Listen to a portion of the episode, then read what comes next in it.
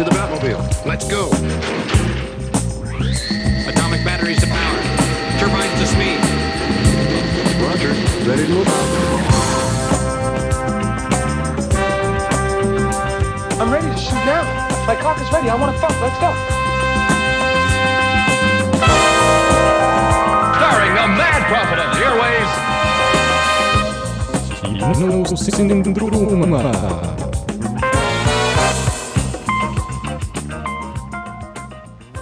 Neida. Det er torsdag, og det er tid for Kinosyndromet nok en gang. Klokken er 11. Velkommen. Ingenting å si i dag, Ørjan? Du må våkne nå. Det er tid. Det er tidlig torsdag morgen, men vi må våkne nå. Ja, jeg er våkna, jeg. Flott. Hva skal vi gjøre i dag? Nei, i dag skal vi blant annet se på uh, Du skal blant annet snakke om uh, Frankrike. Frankrike. Flott land. Skal jeg bare prate om Frankrike generelt? Nei da.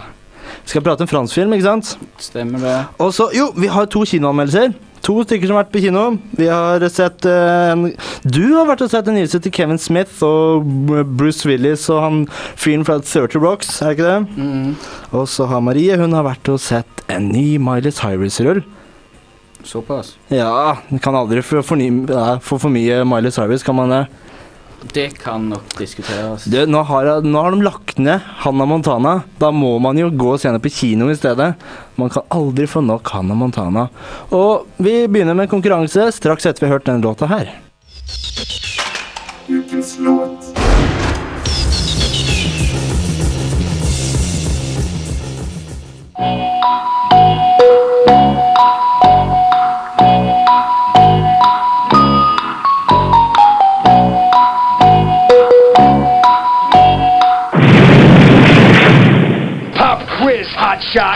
Og da er det tid for konkurranse her i Studentradioen i Bergen, Kinosyndromet. Og vi deler bort eh, to billetter til eh, en forestilling på Bergen kino.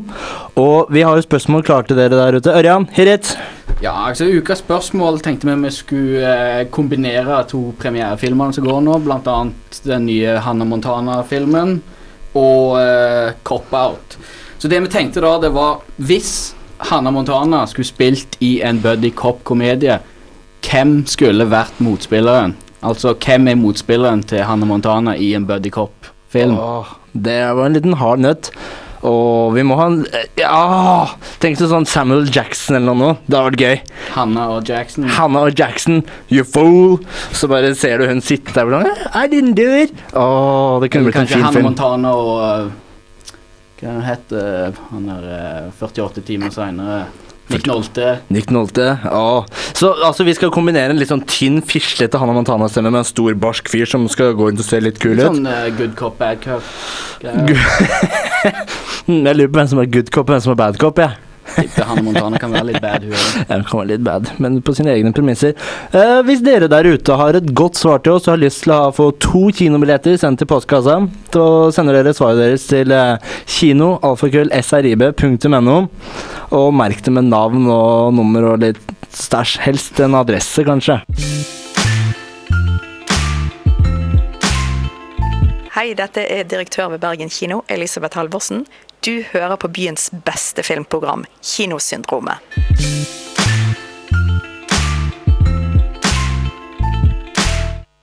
Eh, da skal vi over til den første kinofilmen som eh, har blitt sett denne uken. her. Det er faktisk bare to premierer, hvis jeg ikke tar helt feil. Og den ene den har du vært og sett, Ørjan. Det har jeg. Det Fortell var- oss, hva har du sett? Jeg så Cop Out. Cop-out, ja. ja. Eh, Blant annet eh, Bruce Willis og Tracy Morgan. Og for å si det sånn, ja De første tankene jeg hadde når jeg den når jeg skulle se, fant ut at jeg skulle se den filmen, det var egentlig veldig positive, fordi jeg tenkte liksom at eh, Kevin Smith, som har regissert filmen, er en ganske interessant uh, regissør og manusforfatter i den forstand. Og hvis han skal samarbeide med Bruce Willis og Tracy Morgan, så måtte det nesten bli bra. Og eh, ja, altså, selv om jeg visste at Kevin Smith ikke har skrevet filmen, eller skrevet manuset til filmen, sånn som han pleier å gjøre med så å si alle de andre filmene han har regissert Er det noen filmer han ikke har skrevet? Nei, jeg tror egentlig ikke det. Jeg tror Han han ha... Han skrev til og med Jersey Girl, gjorde han ikke det? Stemmer det? Stakkars fyr. Ja, karrieren hans har gått nedover. Ok. Ja, nei, ja. Er du enig? Ja, for så vidt. Han har ikke lagt noen særlig bra filmer siden Dogma, i mine øyne.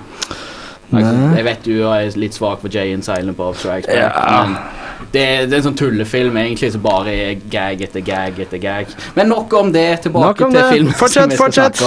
Eh, ja, jeg kan begynne med å fortelle hva filmen handler om. da altså, Bruce Willis spiller en politimann som har uh, blitt frastjålet sitt uh, baseballkort. Som han skal bruke til å uh, betale for datterens bryllup. Og Tracy Morgan spiller vel egentlig um, Han spiller partneren til Bruce Willis og gjør egentlig ikke noe annet enn å bare tulle i hele filmen, for å si det sånn. Pluss at uh, han tror at uh, kona hans er utro. Så um, Ja, det hørtes ut ganske interessant ut, men altså Bruce Willis som politi, det var jo ganske nytt. men blir litt klisjé? 80-talls buddyfilm? Ja, det er nettopp det. Men det var faktisk planen òg til Kevin Smith at det skulle være som en eh, 80-tallsfilm. Altså, Kevin Smith hadde bl.a. fått uh, Harold eh, Faltermeyer, som er en kjent komponist fra bl.a. Uh, 80-tallsfilmene Top Gun og eh, Beverly Hillsburg. Altså, alle kjenner jo til Axel F. ikke sant? Ja da. Så uh, musikken var en stor greie med filmen, altså? Ja, For å si det sånn, det, det var iallfall planen, men når jeg satt og så filmen, så hørte jeg egentlig ikke så mye til musikken. Men når, han, når jeg la merke til det, så syns jeg det var noe 80-talls over det. Men jeg fikk et stort spørsmål som slo, slo meg på hodet. Du sa at det skal være en, liksom, litt 80-talls uh, buddyfilmaktig. Er den lagt til 80-tallet? Er den lagt til i dag? Nei, den er nok lagt til i dag. altså. Blant andre ting som dukker opp i filmen, er jo mye mobiltelefoner i hytt og pinevær og USB-er og sånn som det der, så det er jo en moderne film i den forstand. Men hvis du hadde tatt vekk alle de teknologiske tinga, så kunne filmen like godt vært satt på midten av 80-tallet. Men altså, jeg har, jeg har ikke noe sånn godt forhold til Altså, godt forhold, det ble feil. Jeg har ikke noe forhold til 80-talls buddyfilmer i det hele tatt, utenom Turner and Hooch, tror jeg, med Tom Hanks og bikkja. Men Så du har uh, jo mange kjente fra 80-tallet. Du har jo Dødelig våpen-filmer, har sett. 48 timer seinere. Ikke giddet å sett. Du kan, du kan bare fortsette å ramse. Jeg nei, Beverly Hillsburg er det en buddyfilm? Han har jo ingen kompiser, han jobber alene hele tida. Nå er det på din is her. Nei, nei, nei, han, jo, han har jo han der uh, Judge Reinhold og han andre fyren, så de er ikke, det er ikke buddyer i den forstand, men de er jo der til å hjelpe han da. Alle filmer har jo en kompis. Det betyr at alle filmer er buddyfilmer, da. jeg er bare tøyser med det. Men altså det, Hvis den var en slags Det var en homasj til 80-talls buddyfilmen, levde den opp til det? Passa den inn som en homasj, rett og slett? Ja, både og. Altså, som sagt eh, tidligere, så hadde det ikke vært for alle de der teknologiske nyutvinningene som var med i filmen, så kunne den vært satt på midten av 80-tallet, men Sånn som du òg tydeligvis uh, sier, så er, fins det ikke så mange bra filmer i det, akkurat den sjangeren. Og ehm, Men, altså, ja. For å si det sånn, altså, det som gjorde dette her til en 80-tallsfilm, var for det første musikken, og for det andre det at de banner noe sinnssykt. Altså, ser du nyere filmer som kommer ut nå i liksom buddycop-sjangeren, så er det veldig sånn PG-13, liksom, der du ikke er banne. Men denne her fikk en R-rating fordi at, nettopp fordi det var banning i hytte og pinevær. Men bortsett fra det, så ja. Jeg har ikke fått inntrykk her. Likte du filmen? Likte den ikke? Vil du anbefale den? For å si det sånn at eh, filmen var grei nok, men det som var problemet, det var at jeg følte liksom ingen av de store aktørene som var med i filmen, passa inn. Jeg følte ikke det var deres film, kan du si. Altså, for å si det sånn, altså Bruce Willis Apropos tøffe politimenn. Bruce Willis er jo den ultimate tøffe politimannen. John McClain. Men når han er tøff politimann, så er han i sitt ess. Men hvis han skal være eh, Hvis når filmen gikk over til å bli en komedie, så ble det litt flaut å se han prøvde å være litt morsom. ikke sant?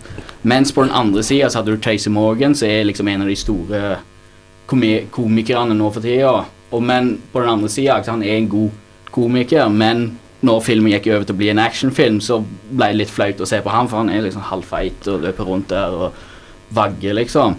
Mens eh, Ja. Men Jeg må nok arrestere deg bitte litt. Altså, jeg syns faktisk Bruce Willis var morsomst i 'Døden kler henne'. Det var en fantastisk liten rull med Bruce Willis med litt sånn smårufståring, en komisetting. Han fungerte der òg. Jo, men det var jo mer Ok, sånn type slapstick-humor i den filmen. Altså, det, selvfølgelig, det er jo litt sånne typer humor, men det, han, han spilte en pingle i eh, Døden kler henne'. Han spilte ikke en sånn ablegøyekar. Nei, kanskje ikke. Så det er en helt annen type humor enn den som du ser i sånne filmer som dette her. Altså, ikke? Jeg tenker mer sånn Chris Rock-type. Men uansett Vil du anbefale den? Ja, som nevnt tidligere. Liksom, filmen var grei nok i de, når de skuespillerne og aktørene var liksom i sitt ess. For å si det sånn, den var litt, det var litt for lite action til å være en Bruce Willis-film. Det var litt for lite komi til å være en Tracy Morgan-film. Og det var litt for lite Kevin Smith-manus til at det var en Kevin Smith-film. Så alt i alt, den eneste fyren som passet inn i den filmen, det var Harald Foltermeyer, som lagde musikken, som vi nesten ikke hørte noe særlig til.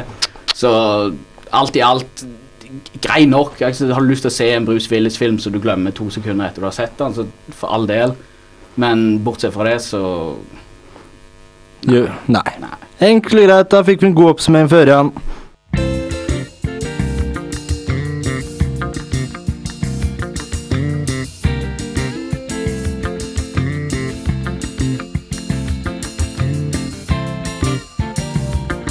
Og da er det tid for ukens oppdateringer. I dag så holder vi oss til Hollywood og remakes. Ørjan, du har den første.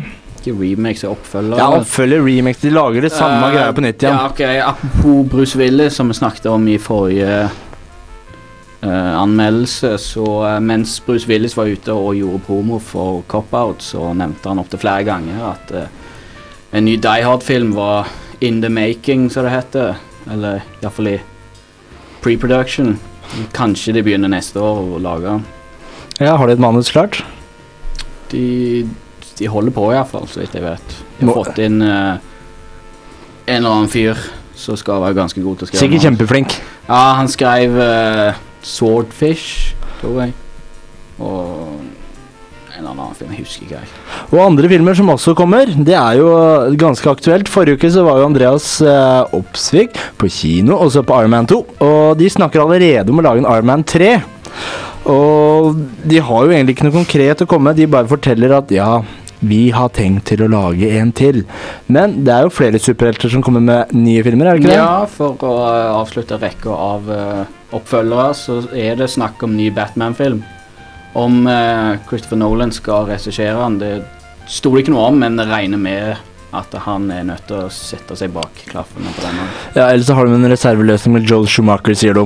Hvor han eh, Jeg tror det var George Clooney som skulle bli hyret inn på nytt igjen. De gjorde så suksess forrige gang. Fins ikke nok gumminipler til å lage en ny film. med.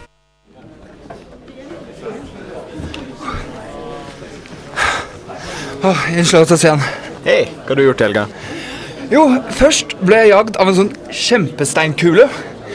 Men så mista jeg idolet, og så endte jeg med at jeg måtte jakte på paktens ark. Men så viste det seg at den var full av Guds makt, så når jeg åpna den, så smelte alle sammen. Men heldigvis så lukka jeg øynene og overlevde. Ja, og så fikk jeg jenta til slutt. Du, da? Hva har du gjort? Jeg tror jeg har klamydia. Film bedre enn virkelighet. Og da har vi kommet til vår flotte lille spalte som omhandler ukens filmlåt. Og jeg har da plukket ut en eh, låt fra den norske filmen Reprise. Har du sett den, Ørjan? Nei. Har du ikke sett Reprise? Hvorfor ikke? Aner ikke, jeg liker ikke norsk film. Du liker ikke norsk film. Det var da Du har slått alle over én kam. Det blir som å det er nesten rasisme.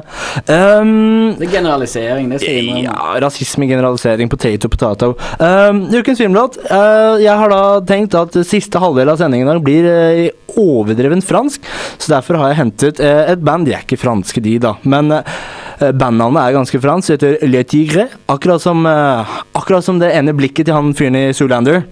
Eller Lucky blir det kanskje. Uh, og låta heter The Zipdacon. Who took the bomb?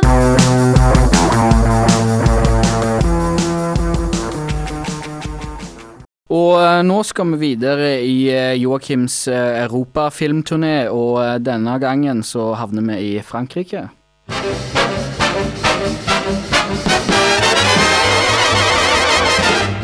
Joakim tar et overfladisk blikk på Europas filmhistorie.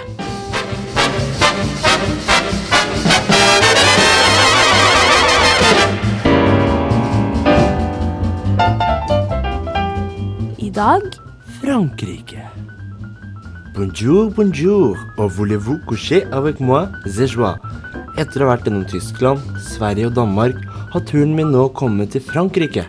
Landet som spiser snegler, lager kjip vin og har verdens feteste uavhengige stat ligget utenfor Paris, fylt til randen med prinsesser, mus med klær og Space Mountain. Vel, nok om det. Disse franske snobbene oppfant det som vi i dag kjenner for kinoen, og laget de første filmene som forfjamset en hel verden. Togimposisjonen av folk som går ut av en port, var mer enn nok for å underholde Gud og hvermann en liten tid tilbake. Men den slags underholdning og skremselspropaganda holder ikke lengden, så franskmennene lager litt mer avanserte filmer nå. Yes, it's in the script. But that's not what you have on that screen. Naturally, because in the script it is written. Frankrikes filmhistorie er lang. Verdens filmhistorie begynner jo der. Men det er ikke dermed sagt at hele historien fra A til Å er like interessant. De har laget sitt epos nå og da. Men det fikk for alvor verdens oppmerksomhet da 60-tallet skred frem, og et par tidligere filmanmeldere kastet skrivemaskinen sin til side og hentet megafon og klapper hos sin lokale filmskaperforretning. Jean-Luc Godard og Francois Truffaut het disse nye filmskaperne, som skapte et såpass truserøsk i filmhistorien at de har fått en hel epoke oppkalt etter seg. Den nye bølgen. De gikk inn for å lage filmer som ikke lignet noe annet, med kun håndholdte kameraer omtrent. Jumpcuts og unødvendige scener var franskmennene ti år foran danskene med å finne på nye måter å lage film, og franskmennene fikk oppmerksomheten de fortjente.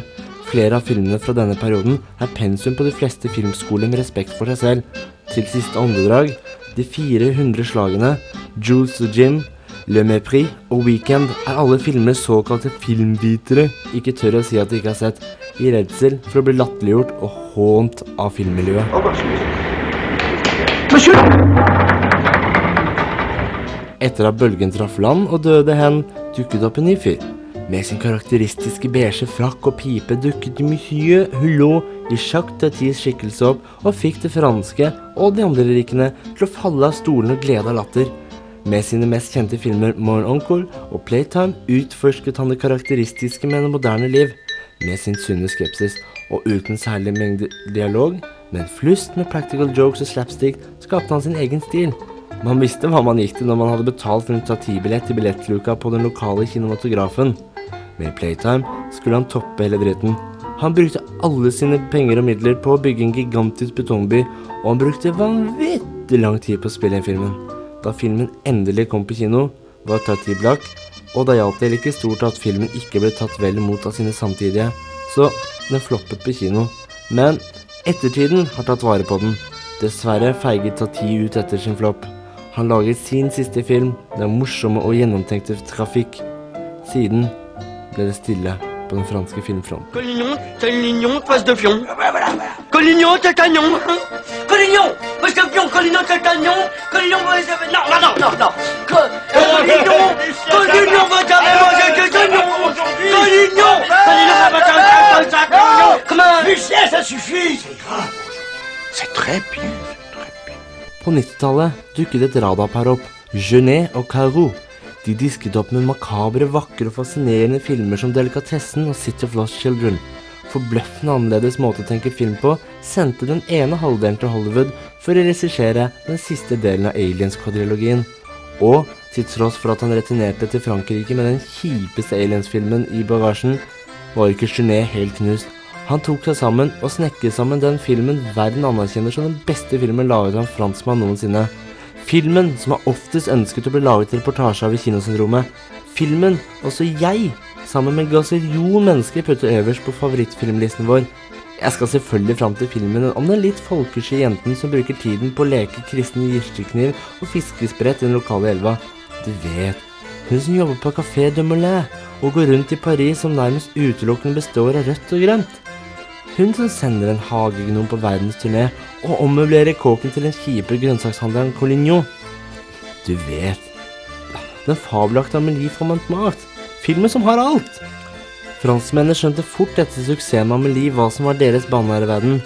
Det var søtladende, romantiske historier fulle av nostalgi, og de ble veldig kine på å lage filmer om institusjoner.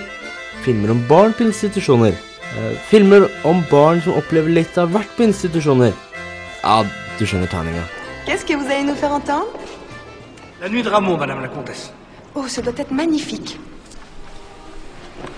Først vil jeg nevne Innocence, en glemt liten sak med Marion Cotillard i en sentral rolle. Filmen handler om en gjeng jenter som på mystisk vis havner på en internatskole hvor de ikke får lov til å bevege seg utenfor skolens område. Ikke så lett å komme seg utenfor heller, med tanke på at den er godt muret inne. På skolen har de vanlige fag, og de danser vanvittig mye ballett. Det mystiske oppstår når jentene blir gamle nok og flinke nok i ballett til å bli med på den hemmelige øvelsen. Men det finnes også gutteinternatskoler. For i filmen Mathieu og korguttene får vi bli med Mathieu, den nyansatte læreren på en internatskole for gutter, hvor disiplin er en mangelvare og faenskap lurer i gangene. Han ønsker å få skikk på kidsa, og starter kor på skolen. Djevelungene utvikler englestemmer og skaper etter hvert harmoni i både sjel, stemmer og klasserom. Dessverre er ikke alle guttene like ivrige, og rektor på skolen er heller ikke så keen på noe som er så bra, så derfor får Mathieu en god utfordring. Begge disse filmene føles for meg som to ganske glemte perler. Mathieu og korguttene er nok mer tilgjengelig blant den gjengse kinogjenger enn The Innocence er. Den er nok litt for smart for de fleste, men man burde prøve seg å se begge. Nevnte jeg forresten at Marion Cotillard var med? Mathieu, action. Réaction.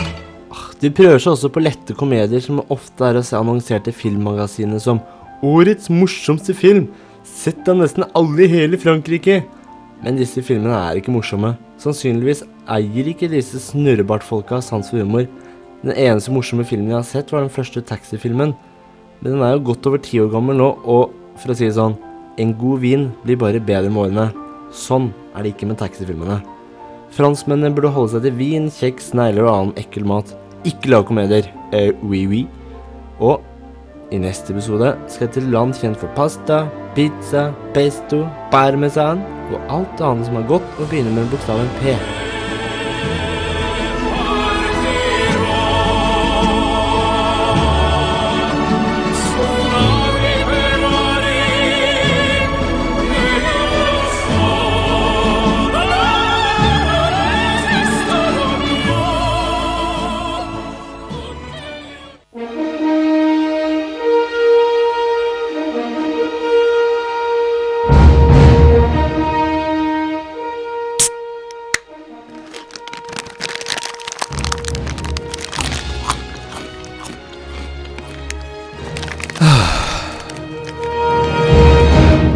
Nytt på Blu-ray og DVD.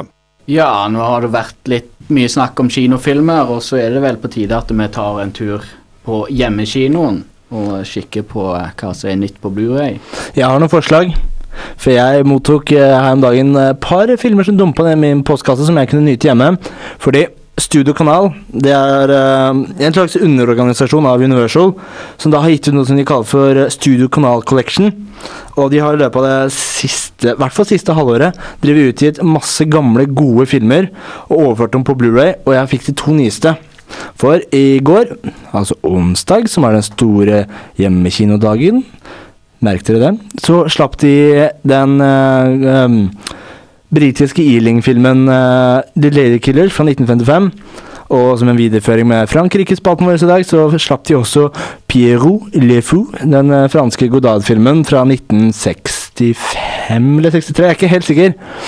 Men det jeg da skulle fram til, var at disse her filmene de har tatt seg veldig god tid med dem. Og det er det som gjør dem veldig severdige. Altså, de som kjenner filmene, de har selvfølgelig sett filmen, de vet at filmene er gode. Jeg kan gå god for at begge filmene er gode. The Lady Killers er mye bedre enn uh, remaken. Har du sett remaken? Ja, jeg har sett remaken og originalen. Du har sett originalen? Ja. Likte du den?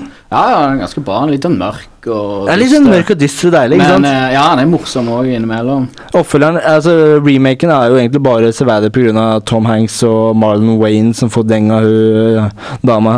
Men ellers har ikke den så veldig mye by på. Men det som da også Men ja, det som er det mest interessante, var at de følger med Altså, de har vært veldig rause. De er liksom De kan vel nesten kalles for Europas svar på Criterion Collection. Ved at de har fylt opp med masse bonusmateriale.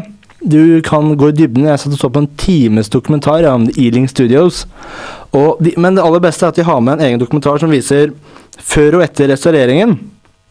Det morsomme ligger i at jeg satt og så på det, og jeg så ikke en bæsj forskjell. Det var ingen forskjell på den gamle og den nye. Uh, men de var flinke til å fjerne, fjerne masse sånne flekker og spots og sånn, så filmen kommer aldri til å se bedre ut enn den gjør nå, men skarpheten var ikke så forbedra.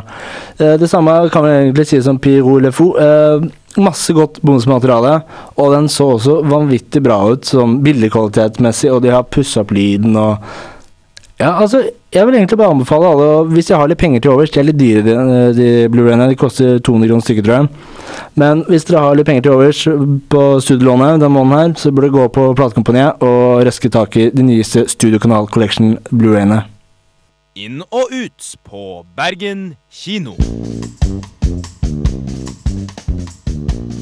Ja, nå vi skulle snakke litt om filmer som går inn og ut på kino.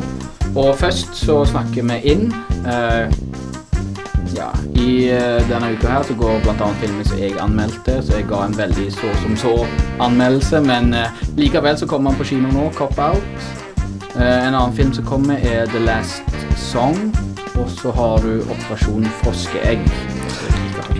Nei, har du ikke hørt om uh, Operasjon Froskeegg? Hva? Nei, jeg bare tror jeg ikke hørt om den heller. Eh, de som går ut, som da har siste dag i dag, det er eh, Precious. For de som ikke har fått med seg den, så er det synd for dere, for den har gått i absolutt hele vinter. Fattern forsvinner. Litt sånn fornøyelig film. Eh, og til slutt Prinsessen og frosken. Og helt til slutt så skal vi over til det som er ukens premiere. Det har vært eh, Marie som har vært på kino. Hun har kost seg med en liten tenåringsstjerne som eh, prøver å være litt mer voksen enn den var før.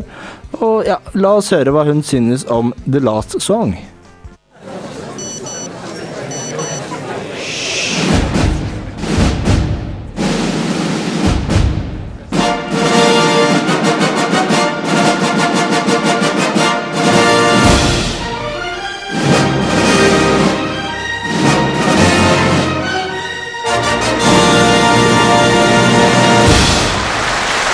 Ukas premiere.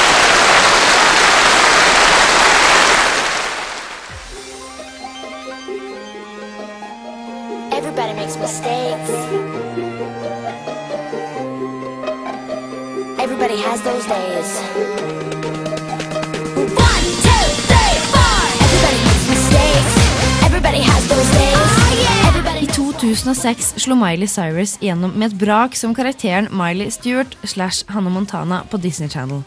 I de neste årene slapp hun utallige CD-er og filmer som Hannah Montana, men i 2008 kom det første albumet der Miley Cyrus opptrådde som seg selv. Denne uken har dramaet The Last Song premiere, og er ifølge Miley selv hennes første seriøse rolle.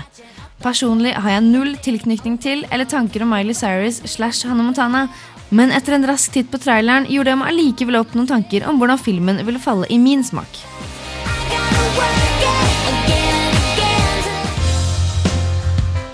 Dear Ronnie, please know that none of what happened between your mother and me had anything to do with you. I hope this summer will give us a chance to reconnect. Oh boy. You live on the beach? That is awesome.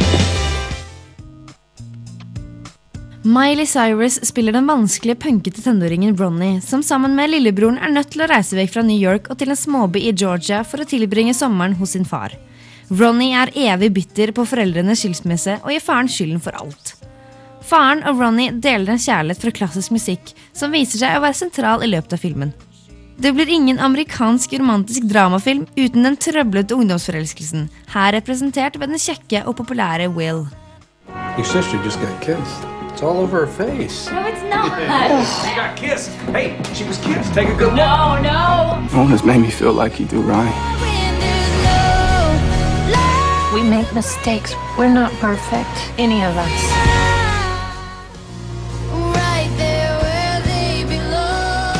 Manuset til A Last Song er basert på Nicholas Sparks siste roman, og den observante lytter vil kanskje koble Sparks til filmer som A Walk to Remember og The Notebook. Det er kanskje unødvendig å påpeke det, men The Last Song kan gjerne puttes i samme boks som disse to filmene. Det er tydelig at filmen er produsert for Miley Cyrus. Castingen er helt klart sentet rundt henne, og deler av soundtracket er til og med sunget av Miss Cyrus. I løpet av den timen og de 48 minuttene filmen varer, satt jeg irritert meg over de til tider falske faktene til vår kjære hovedrolleinnehaver.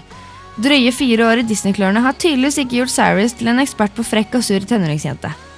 Skuespillerne rundt Miley gjør en helt ok innsats, og jeg satt igjen med en følelse av at The Last Song kunne heve seg fra til tider pinlig til en helt grei film hvis noen andre enn Miley Cyrus hadde blitt castet til rollen som premenstruell jentunge. Men når alt det er sagt, så hadde jeg lave forventninger til The Last Song, og jeg skal ikke skryte på meg at jeg ble positivt overrasket, men hvis man liker Miley Cyrus og sippete amerikansk familiedrama, kan man helt sikkert få en fin opplevelse.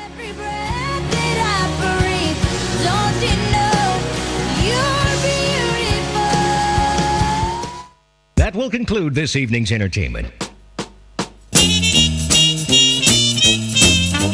Og da var det takk for oss i dag, og klokken bikker snart tolv. Det er snart tid for Plutopop, men vi må huske å si takk til oss selv. Først og fremst, jeg heter Joakim Tangen og har vært her i dag. Jeg heter Ørjan Liland. Vi har fått hjelp i studio, en liten tekniker som heter Andreas Opsvik. Og vi må også takke Marie, som har vært med og lagd innslag. Og til slutt så må vi også huske å takke vår kjære produsent Marius Kjørmo. Og helt til slutt, husk å være med på konkurransen som var Hvilken person ville du likt å se sammen med Hanna Hannah Montana i en buddyfilm? Send svaret til kino at srib.no. Og ja, du kan høre mer på oss på srib.no. Takk for oss. Ha det bra.